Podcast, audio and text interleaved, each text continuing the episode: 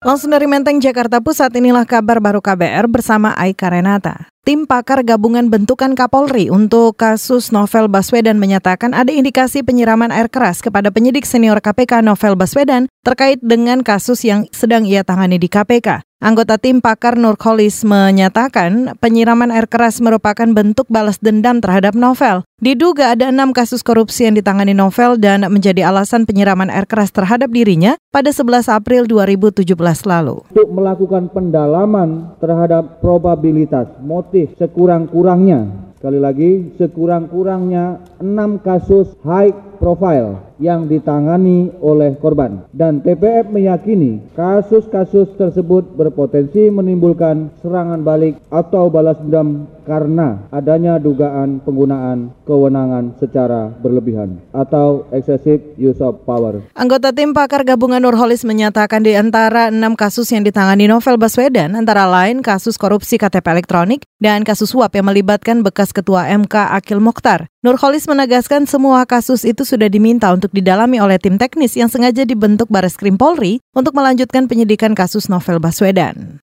Kita beralih, Hakim Mahkamah Konstitusi Arif Hidayat memastikan sidang perselisihan hasil pemilu legislatif harus selesai dalam kurun waktu 30 hari. Untuk itu MK akan tegas dalam hal aturan waktu, semisal dengan menolak seluruh pengajuan atau bukti yang dinilai melebihi batas tenggat waktu, Begitu juga dengan saksi yang harus dibatasi jumlahnya sesuai karakteristik perkara. Kenapa ditentukan 30 hari? Karena kalau ini mundur-mundur-mundur terus kalender ketatanegaraan nggak jalan. Ini harus selesai dalam 30 hari. Setelah 30 hari KPU menentukan, oh ini yang terpilih untuk bisa menjadi anggota badan legislatif. Badan legislatif terbentuk, presiden nanti bersumpah di hadapan MPR. Itu sekuennya itu terbatas. Sehingga semuanya dibatasi. Hakim Mahkamah Konstitusi Arif Hidayat juga mengingatkan agar seluruh peserta sidang mengetahui dan memahami prosedur jalannya sidang. MK mengawali sidang pendahuluan sengketa hasil pemilu legislatif pada 9 Juli lalu. Sedangkan hari ini merupakan sidang pemeriksaan dengan agenda mendengar jawaban termohon, pihak terkait, Bawaslu, dan pengesahan alat bukti. Setelah itu, Hakim MK akan mempertimbangkan apakah perkara itu dapat diteruskan atau dihentikan. Lalu pada 6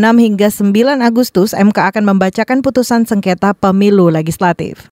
Kita beralih akibat merasa kesulitan menyebut nama penghargaan yang menggunakan bahasa Sanskerta, Wakil Presiden Yusuf Kala kemudian meminta nama-nama penghargaan untuk menggunakan bahasa Indonesia saja. Menurut JK, selain sulit diucapkan, bahasa Sanskerta juga jarang dimengerti oleh generasi muda. Penghargaan Sabkarya Nugraha dan Satya Lencana Karya Bakti Praja Nugraha. Sulit sekali menyebutkannya. Saya juga tentu harus dievaluasi kenapa selalu kita pakai bahasa Sanskerta. Ini bukan bahasa Indonesia, bukan bahasa Jawa, tapi bahasa Sanskerta. Padahal kita ada bahasa Indonesia yang baik. Ini Pak Menteri ini harus dievaluasi kembali istilah-istilah ini. Saudara penghargaan Satya Lencana Karya Bakti Prajanugraha merupakan penghargaan kepada pegawai daerah yang telah berbakti selama 10 tahun lebih dengan menunjukkan kedisiplinan, kecakapan, dan kesetiaan. JK menyerahkan lencana penghargaan itu kepada delapan kepala daerah di antaranya bekas Gubernur NTB, Bupati Bintan, Bupati Kohyatong, Wali Kota Pekanbaru, dan Wali Kota Cimahi. Sedangkan untuk penghargaan Samkarya Nurgara yang merupakan penghargaan kepada daerah yang dianggap memiliki pengelolaan pemerintahan yang baik, diberikan kepada lima daerah yaitu Karanganyar, Banyuwangi, Kuningan, Makassar, dan Gorontalo.